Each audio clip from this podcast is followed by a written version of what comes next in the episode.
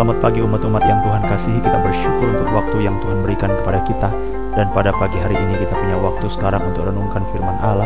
Dan ini adalah waktu bagi kita untuk membaca dalam kitab Ibrani. Ibrani pasal yang keempat bagian yang terakhir. Dan kita akan masuk juga pada bagian pasal yang kelima. Dan Ibrani pasal yang keempat Kita akan membaca bagian firman Tuhan melanjutkan pembahasan yang lalu. Dan kita akan teruskan pada pagi hari ini. Ibrani pasal yang keempat ayat yang ke-14 dan kita akan lanjutkan terus membaca sampai pasal yang kelima ayat yang ke-9. Ibrani pasal 4 ayat 14 demikianlah firman Tuhan. Karena kita sekarang mempunyai imam besar agung yang telah melintasi semua langit, yaitu Yesus, anak Allah. Baiklah kita teguh berpegang pada pengakuan iman kita, sebab imam besar yang kita punya bukanlah imam besar yang tidak dapat turut merasakan kelemahan-kelemahan kita. Sebaliknya sama dengan kita, ia telah dicobai, hanya tidak berbuat dosa. Sebab itu, marilah kita dengan penuh keberanian menghampiri tahta kasih karunia, supaya ia menerima rahmat dan menemukan kasih karunia untuk mendapat pertolongan kita pada waktunya. Sebab setiap imam besar yang dipilih dari antara manusia ditetapkan bagi manusia dalam hubungan mereka dengan Allah, supaya ia mempersembahkan persembahan dan korban karena dosa. Ia harus dapat mengerti orang-orang yang jahil dan orang-orang yang sesat, karena ia sendiri penuh dengan kelemahan, yang mengharuskannya untuk mempersembahkan korban karena dosa, bukan saja bagi umat, tetapi juga bagi dirinya sendiri. Dan tidak seorang pun yang mengambil kehormatan itu bagi dirinya sendiri, tetapi dipanggil untuk itu oleh Allah, seperti yang telah terjadi dengan Harun. Demikian pula Kristus tidak memuliakan dirinya sendiri dengan menjadi imam besar, tetapi dimuliakan oleh Dia yang berfirman kepadanya, Anakku engkau, engkau telah kuperanakkan pada hari ini, sebagaimana firmannya dalam suatu nas lain. Engkau adalah imam untuk selama-lamanya, menurut peraturan Melkisedek.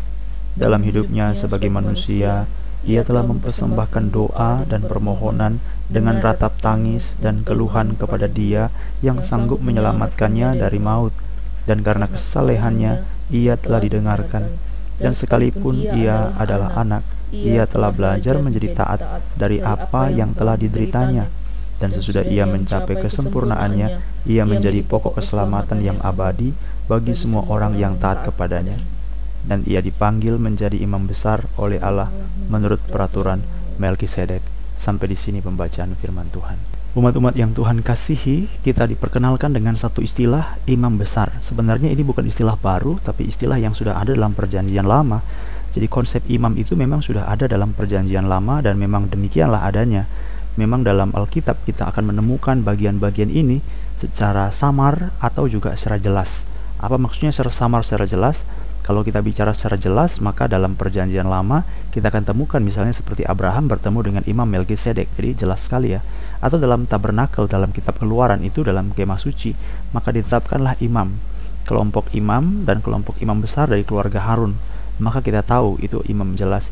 Tetapi secara samar itu juga dapat disebutkan bahwa memang seperti pada masa Abraham itu adalah pada masa di mana pada waktu itu Abraham sebagai umat, tetapi Abraham juga sebagai nabi. Abraham juga ya sebagai, bertindak sebagai imam itu sebabnya dia juga membangun mesbah, dia membakar persembahan kepada Allah, tetapi Allah juga deal with him, berurusan dengan dia sendiri. Jadi Allah mengatur hidupnya, Allah berfirman kepada Abraham, Abraham menjalankannya dan seterusnya pada masa-masa bapa leluhur. Nah, ini mungkin disebut sebagai suatu periode yang disebut dengan pneumatik ya, dalam bahasa teologi namanya. Baru muncul ada lagi yang disebut dengan teopanik. Baru pada masa akhir pada zaman Yesaya nabi-nabi itu disebut zaman teologik karena mereka sudah mencatat daripada wahyu atau firman yang diberikan Allah, mereka menjadi nabinya, tetapi orang yang dilayani, orang yang ditujukan pemberitaan firman Tuhan itu adalah sudah masyarakat Israel jadi ada tiga istilah itu yang ada dalam perjanjian lama. Maka kita sebut itu sebagai suatu istilah atau konsep ada peran imam secara tersamar. Tetapi ada juga yang secara jelas. Jadi imam tidak merupakan hal yang baru, sudah ada dalam perjanjian lama. Tetapi pada waktu kita membaca kitab Ibrani, kita diperkenalkan bahwa sebenarnya Kristus Yesus adalah imam, imam besar, imam besar agung, malah disebut sebagai imam besar agung. Pasal 4 ayat yang ke-14 karena kita sekarang mempunyai imam besar agung. Di mana keagungannya di mana kelebihannya? Alkitab berkata dia melintasi semua langit yaitu Yesus anak Allah dia melintasi semua langit yaitu Yesus anak Allah Imam besar selalu memiliki suatu kesempatan untuk memiliki sesuatu batasan, tetapi dia boleh lewat pada batas itu, yaitu dalam kemah suci, maka imam ini akan masuk ke tempat ke ruang maha kudus satu kali satu tahun pada hari raya pendamaian atau lebih tepat disebut sebagai hari puasa orang Yahudi. Jadi pada waktu Paulus sedang berada di perjalanan ke Roma sebelum dia terdampar di Pulau Malta, maka dia berkata mereka mengadakan pelayaran dan hari raya puasa orang Yahudi sudah lewat. Jadi itu adalah suatu hari di mana orang Yahudi atau orang Israel mereka harus berpuasa untuk mempersiapkan diri karena akan ada hari pendamaian. Hari pendamaian Yom Kippur. Nah, hari pendamaian itu adalah hari di mana satu kali satu tahun maka imam besar itu boleh masuk ke tempat ruang Maha Kudus. Tetapi Alkitab mengatakan imam besar yang ini, imam besar agung. Kenapa dia disebut agung? Karena dia bukan saja melewati daripada ruang Maha Kudus, diperkenan untuk ada dalam ruang Maha Kudus, tetapi dia melampaui itu semuanya, melintasi semua langit. Orang Yahudi percaya langit itu ada tiga lapis, saudara-saudara. Jadi Paulus pernah mengatakan dalam pasal yang ke-12 surat Korintus 2, dia berkata, ada kenal seorang yang telah dibawa ke langit tingkat ketiga. Orang percaya bahwa itu adalah langit tahta Allah jadi ada langit yang seperti manusia, ada langit yang seperti uh, uh, apa namanya uh, cakrawala, tetapi ada langit di mana tahta Allah dan itu adalah tingkat yang ketiga. Dan Kristus Yesus disebut sebagai imam besar agung yang melintasi semua langit. Jadi langit satu, langit dua, langit tiga dia lintasi. Langit daripada manusia, langit cakrawala pada waktu dia terlihat tertutup oleh awan sampai dia ada di langit ketiga di tahta Allah. Dan memang demikian adanya. Dia duduk di sebelah kanan Allah Bapa yang Maha Kuasa. Dicatat dalam Ibrani pasal 1 ayat yang ketiga. Ia adalah cahaya kemuliaan Allah dan gambar wujud Allah menopang segala sesuatu sesuai dengan firman-Nya dengan penuh kekuasaan. Setelah ia selesai mengadakan penyucian dosa, ia duduk di sebelah kanan yang maha besar di tempat yang lebih tinggi, jauh lebih tinggi ayat 4 daripada malaikat-malaikat. Jauh lebih tinggi di tempat yang maha tinggi di sana dia duduk di tahta yang maha besar di sebelah kanan yang maha besar Allah di tempat yang tinggi. Ibrani 1 ayat 3 dan 4 jadi melintasi segala langit. Semua langit. Langit pertama langit kedua langit ketiga. Dia lintasi. Jadi bukan hanya sekedar melewati ruang maha kudus yang satu kali setahun tapi dia justru duduk di tempat yang maha tinggi yang maha besar. Itulah keunggulan keagungan imam besar kita. Nah, menjadi pertanyaan sekarang, kenapa imam besar ini diperkenalkan? Setelah penulis surat Ibrani ini menceritakan tentang betapa pentingnya supaya kita merespon firman Tuhan. Mari kita pikirkan secara perlahan. Yang pertama, Alkitab mengatakan suatu tahapan di mana jangan kamu meninggalkan imanmu. Jangan kamu meninggalkan imanmu. Kita bukanlah orang yang membuang iman kita. Tetapi setiap kamu dengar firman Tuhan, kamu punya kesempatan untuk masuk dalam hari perhentian. Bukankah itu yang kita bicarakan kemarin? Pasal 4 ayat yang ke-1, waspada, jangan ada di antara kamu seorang pun yang dianggap ketinggalan. Jangan. Jadi mari berpegang kepada iman kita dengan teguh. Mari kita berusaha untuk masuk ke dalam tempat perhentian. Pasal 4 ayat 11. Supaya jangan seorang pun jatuh. Jangan. Mari kita tetap berpegang kita tetap kokoh, kita tetap sungguh-sungguh supaya jangan ada di antara kita yang menjadi kolaps, yang menjadi hilang. Ini merupakan sesuatu hal yang sedang kita kerjakan.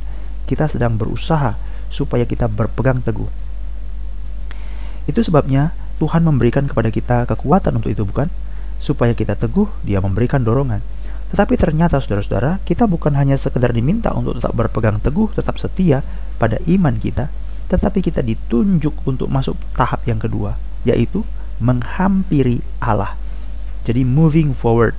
Jadi bergerak bukan hanya sekedar beriman, tetap beriman, tetap percaya, tetap sudah menerima keselamatan dalam pengertian bahwa saya sudah pegang, bukan. Tetapi mari kita menghampiri, bergerak ayat 16. Kita penuh keberanian menghampiri tata kasih karunia supaya kita menerima rahmat dan menemukan kasih karunia untuk mendapat pertolongan kita pada waktunya. Ini suatu hal yang mungkin orang lupa ya. Bahwa menjadi orang percaya itu bukan hanya sekedar keadaan statusnya, saudara. Apa maksudnya ini ya? Jadi begini, sering kali kan kita berpikir bahwa kalau percaya pada Yesus jadi orang Kristen. Percaya pada Yesus orang Kristen loh. Jadi pokoknya ya kamu jadi Kristen. Kalau jadi Kristen udah pasti selamatkan. Kamu jadi Kristen itu udah percaya pada Yesus, kamu Kristen. Selesai. Jadi orang itu hanya berusaha untuk mengkristenkan orang gitu loh. Mengkristenkan orang, mengkristenkan orang, ajak orang jadi Kristen, jadi Kristen. Nah, ini suatu kesalahan atau kekeliruan yang bisa berbahaya. Karena apa? Karena Alkitab sebenarnya tidak pernah mengajarkan kita untuk menjadikan orang itu ahli waris kerajaan surga hanya berdasarkan ukuran-ukuran atau berdasarkan perpindahan status sebagai seorang agama agamawan atau agamawinya saja. Tidak. Jadi bukan berarti karena dia lahir sebagai orang Kristen atau sudah pindah menjadi agama Kristen, maka dia itu disebut sebagai orang itu diselamatkan. Tidak. Karena ukuran daripada iman kita itu bukan hal-hal yang lahiriah atau hal jasmani. Jadi boleh nggak kira-kira begini? Boleh nggak kira-kira begini? Ini paling ekstrimnya ya. Jadi kalau orang ini misalnya bukan orang Kristen, oke? Okay? Terus dia pikir-pikir, dia timbang-timbang. Mungkin karena bosnya orang Kristen, akhirnya dia udah jadi Kristen aja deh mungkin karena laki-laki atau perempuan yang dia kasih, dia cintai atau dia ingin nikahi jadi Kristen, maka dia jadi Kristen. Oke, jadi Kristen deh. Atau misalnya gara-gara dia tinggal di luar negeri misalnya. Di mana-mana orang Kristen, dia mau kebaktian, dia mau apa, ndak ada tempat kesembahyang dia. Jadi dia jadi Kristen deh karena situ ada gereja. Jadi Kristen deh, jadi Kristen gitu loh. Tapi pertanyaannya, apakah jika mereka berpindah menjadi seorang Kristen dengan keputusan seperti itu, saudara berani katakan bahwa mereka itu masuk surga atau selamatkan? Hanya karena bosnya Kristen jadi Kristen dia. Hanya gara-gara dia babysitter atau pembantu di rumah orang Kristen jadi Kristen. Karena diajak gereja terus kan? Atau karena memang dia menikah dengan orang Kristen jadi Kristen dia. Atau karena di tempat dia tinggal tempat dia kerja itu tidak ada. Kalau bukan Kristen mungkin dia jadi tenaga kerja di luar negeri. Dia cuma lihat gereja maka dia jadi Kristen. Atau misalnya karena dia di Indonesia misalnya. Terus dia lihat orang Kristen itu baik-baik oh, udah jadi Kristen aja deh gitu. Nah apakah dengan perpindahan menjadi seorang Kristen dengan cara seperti itu maka orang itu diselamatkan? Alkitab tentu tidak mengatakan demikian bahwa itu bisa menjadi cara untuk orang itu kenal Tuhan bisa saja. Karena kita percaya banyak juga orang-orang dulu tidak ngerti apa-apa tentang Kristenan tapi sekarang setelah dia ikut Tuhan dia mendengar kebaktian dia mendengarkan firman Allah imannya bertumbuh lalu dia terus menjadi seorang devoted Christian seorang menjadi Kristen yang penuh dedikasi dan komitmen di hadapan Allah Ya tentu saja itu bisa dipakai sebagai cara. Tetapi bahwa dia berpindah menjadi seorang Kristen agamanya Itu tidak menjamin dia masuk surga atau diselamatkan. Dan dalam bagian Ibrani pasal 4 ini kita dapat jawaban yang lebih jelas lagi Karena Alkitab tidak mengatakan kepada kita hanya berhenti pada menjadi seorang yang tidak meninggalkan iman Bukan hanya sekedar hold fast your faith Bukan hanya sekedar berpegang teguh pada kepercayaan Bukan hanya sekedar jangan kamu jatuh tetapi tetap tegak berdiri dalam iman. Bukan hanya itu yang Allah inginkan, tetapi yang Allah inginkan adalah marilah kita menghampiri tahta kasih karunia. Ibrani 4 ayat 16. Jadi iman kita itu bukan hanya iman yang kita pegang, tapi iman itu harus kita bawa ke dalam tahta kasih karunia Allah. Jadi moving forward, jadi bergerak. Jadi iman itu tidak mungkin statis, saudara-saudara iman itu tidak mungkin hanya berhenti ya, tapi iman itu harus terus bergerak, iman terus bertumbuh, iman terus bergerak, iman terus bertumbuh. Nah, ini harus kita pegang, harus kita pahami. Jadi kalau kita baca pada Ibrani pasal 3, Ibrani pasal 4, kita sementara diingatkan, jangan seperti orang Israel. Mereka dikeluarkan dari Mesir, tapi mati di padang gurun. Karena apa? Karena mereka menjadi orang yang jatuh. Mereka membuang firman Tuhan. Kamu jangan seperti itu. Kamu akan tetap teguh berdiri. Kamu akan diminta atau didorong Ayo, tetap berpegang. Jangan buang firman Tuhan yang telah kamu terima. Iman yang diberikan kepadamu itu adalah suatu hal yang sangat besar dan istimewa. Ya kan? Tetap berpegang ya. Tapi Alkitab mengatakan tidak hanya tak berpegang, tapi kamu harus bawa masuk ke mana? Ke tahta kasih karunia. Ibrani 4 ayat 16. Sebab itu marilah kita dengan penuh keberanian menghampiri tahta kasih karunia supaya kita menerima rahmat menerima rahmat dan menemukan kasih karunia untuk mendapat pertolongan kita pada waktunya. Ajaib sekali cara kerja Tuhan. Tetapi bagian yang ini diberikan kepada kita bukanlah tanpa alasan saudara-saudara. Kenapa kita diberi kesempatan? Kenapa kita dianjurkan? Kenapa kita diperintahkan untuk menghampiri tahta kasih karunia Allah? Karena kita punya imam besar. Wah, jadi imam besar ini konsep supaya apa? Supaya kita menghampiri Allah. Memang imam itu adalah pengantara antara Allah dengan manusia. Imam itu adalah seseorang yang ditetapkan dalam hubungan mereka, hubungan manusia dengan Allah. Itu dicatat dalam pasal 5 ayat 1. Sebab setiap imam besar dipilih dari antara manusia, ditetapkan bagi manusia dalam hubungan mereka dengan Allah. Jadi saudara tidak bisa menghampiri Allah tanpa imam. Nah, jadi memang kita mengatakan sekarang sekarang kan kita kan tidak perlu lagi imam besar, kita tidak perlu imam karena kita sekarang setelah Yesus Kristus, maka kita sekarang boleh menghampiri Allah. Kita berdoa langsung sama Tuhan. Kita nggak mengatakan imam, tolong saya ya, doakan, lalu bilang sama Tuhan supaya saya dibantu seperti ini. Jadi imam itu seperti mak comblang gitu loh, mak comblang iman. Nah, bukan, bukan seperti itu lagi memang. Ya benar, tetapi Alkitab mengatakan bahwa setiap orang dalam hubungan dengan Allah memerlukan fungsi-fungsi imam atau kerja-kerja imam atau prinsip-prinsip keimamatan. Nah, itu sebabnya kita memang disebut imamat yang rajani. Surat Petrus mengatakan kamulah bangsa yang terpilih, imamat yang rajani. Jadi memang kita itu memiliki sesuatu prinsip nilai iman, imam. Nah, karena apa kita memiliki nilai prinsip imam? Bukan karena kelahiran kita.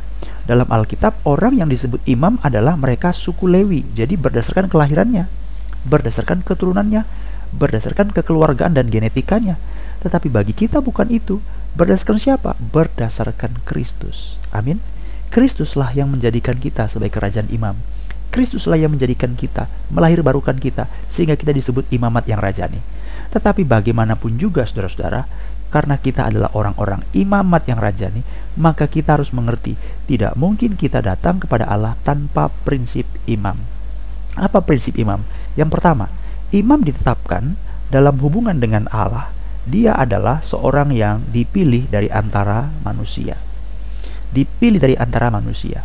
Jadi, karena imam besar itu dipilih dari antara manusia, maka Kristus harus jadi manusia supaya dia bisa menjadi pengantara kita. Dan pada waktu dia menjadi pengantara kita dan setelah dia berhasil menjalankan pelayanannya atau menjadi sempurna dalam pelayanan itu, maka kita menjadi imam. Jadi prinsip imam itu adalah prinsip ditetapkan bagi manusia dalam hubungan dengan Allah. Itu sebabnya kita bicara Kristus dulu. Datanglah kepada Kristus, hampiri tata kasih karunia karena kita punya imam. Dan siapa Kristus? Dia mulai ceritakan dulu. Kristus itu ditetapkan dari antara manusia. Sama seperti imam ditetapkan dari antara manusia, demikian juga Kristus ditetapkan. Maka Kristus harus menjadi manusia. Yang kedua, Alkitab mengatakan ia mempersembahkan korban persembahan dan korban karena dosa. Jadi ada dua korbannya ya.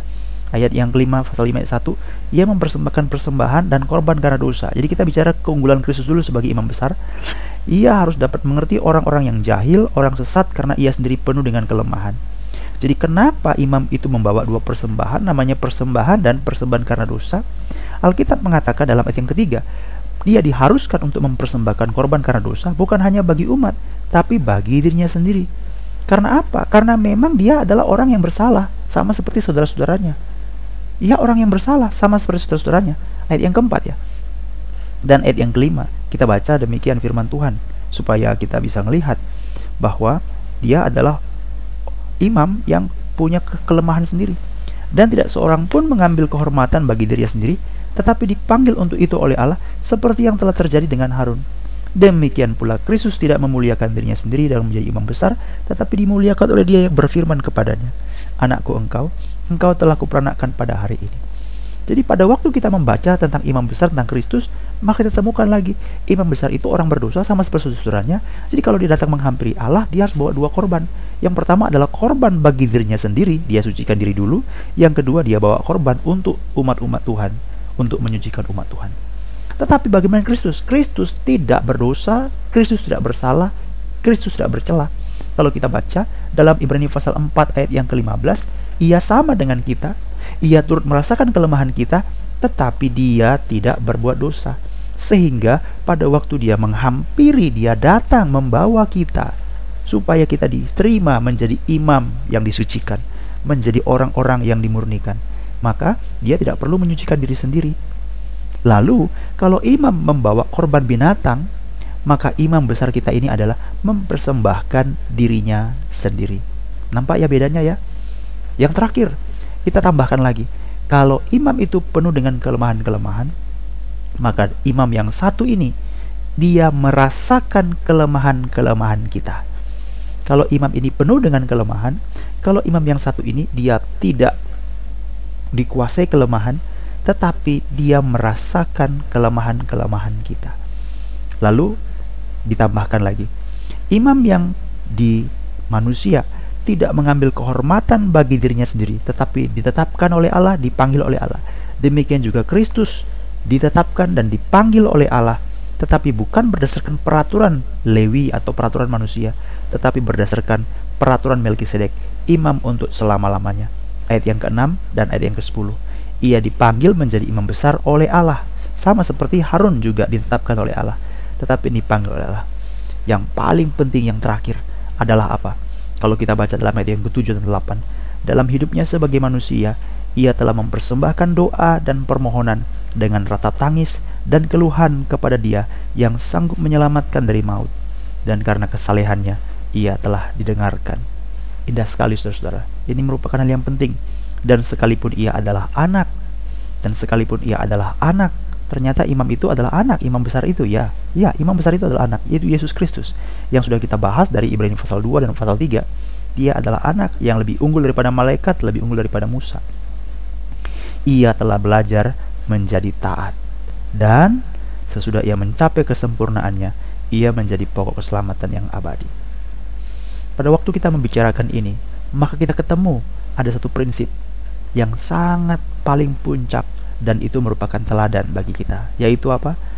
Anak saja dia taat. Ayat yang ke-8 sekalipun ia adalah anak ia telah belajar menjadi taat. Kenapa taat penting? Karena ketaatan ini menjadi kunci. Orang itu boleh berani masuk tahta Tuhan tahta kasih karunia karena Kristus juga taat. Tetapi sebaliknya, pada waktu orang itu tidak taat, dia tidak akan berani datang pada Tuhan dan dia memang tidak akan diperlayakkan, dibenarkan. Mari kita membaca pasal Ibrani pasal 4 ayat yang ke-6. Jadi sudah jelas. Ibrani 4 6. Saudara bandingkan ya. 4 ayat 6. Jadi sudah jelas bahwa ada sejumlah orang akan masuk tempat perhentian itu. Ada yang masuk, Sedangkan mereka yang kepadanya lebih dulu diberitakan kabar kesukaan itu, mereka tidak masuk. Kenapa mereka tidak masuk? Mereka tidak masuk karena ketidaktaatan. Jadi bagaimana mungkin Anda bisa masuk menghampiri tahta kasih karunia Allah? Bagaimana mungkin Anda memiliki keberanian? Anda nggak akan punya keberanian. Kenapa? Karena Anda tidak taat. Kristus, ia pun adalah imam besar tetapi sesungguhnya ia adalah anak. Dia anak menjadi manusia loh. Supaya apa? Ya karena imam harus manusia. Gitu toh. Ia harus bisa merasakan kelemahan. Dia tidak penuh dengan kelemahan tapi dia bisa merasakan kelemahan. Sama seperti imam. Oke? Okay? Dia membawa korban. Korbannya siapa? Kalau imam korbannya itu bagi dirinya sendiri, dia enggak karena dia tidak bersalah, tetapi dia membawa korban bagi umat-umatnya. Tetapi korbannya itu adalah dia adalah korban itu, nyawanya sendiri diberikan Yesus Kristus. Dan yang paling penting yang saya ingin katakan, bahwa walaupun dia anak, dia belajar, belajar menjadi taat. Siapa kita? Siapa kita yang tidak mau taat? Kristus saja, Allah yang menjadi manusia, belajar untuk taat. Kenapa saudara tidak mau taat? Kalau saudara tidak taat, maka saudara tidak akan berani menghampiri tahta kasih karunia Tuhan. Kalau saudara tidak taat, maka saudara tidak belajar, tidak mampu, tidak sanggup, tidak layak, tidak bisa menghampiri tahta kemurahan Tuhan, kasih karunia Tuhan. Menjadi orang percaya bukan hanya sekedar menjadi orang Kristen, saudara-saudara. Menjadi orang percaya bukan hanya sekedar menjadi orang pindah agama. Menjadi orang percaya bukan hanya sekedar aku percaya Yesus, sudah mulutku mengaku aku percaya Yesus, selesai. Tidak. You must moving forward. Kamu harus bergerak. Kamu harus bertumbuh. Kamu harus menghampiri tahta kasih karunia Tuhan. Jadi bukan hanya sekedar pokoknya aku sampai mati jadi orang Kristen, aku orang beriman, aku orang setia. Setia itu bukan intensitas. Setia itu bukan frekuensi. Aku datang ke gereja, aku setia, aku datang ke gereja, aku setia, aku melayani, aku setia. Setia itu bukan berarti saudara menjadi orang Kristen, menjadi pendeta sampai saudara mati, menjadi orang yang datang ke gereja sampai saudara mati. Itu bukan setia. Setia itu adalah you moving forward. Taat kepada apa yang diminta oleh Tuhan meskipun dalam penderitaan. Saudara baca 5 dan 8, saudara bandingkan dengan pasal 4 yang ke-6. Kenapa sebagian masuk, kenapa sebagian tidak masuk? Yang tidak masuk karena tidak taat. Kenapa kita harus taat? Ayat yang ke-8 pasal 5 Karena sekalipun anak Kristus imam besar agung kita itu Ia telah belajar menjadi taat dari apa yang dideritanya Roma pasal 5 ayat 19 mengatakan demikian Roma pasal yang kelima ayat yang ke-19 ini adalah bagian firman Tuhan yang mengatakan kalimat seperti ini Jadi sama seperti oleh ketidaktaatan satu orang Semua orang telah menjadi orang berdosa Demikian pula oleh ketaatan satu orang Siapa satu orang itu? Kristus. Apa yang dilakukan satu orang itu? Ketaatannya. Maka semua orang menjadi orang benar. Jadi karena ketaatanlah satu orang itulah maka kamu menjadi orang benar. Maka kita pun orang-orang benar juga belajar menjadi taat sama seperti dia. Siapa kita yang tidak mau taat? Jadi marilah kita minta anugerah Tuhan terus memberikan ketaatan kepada kita.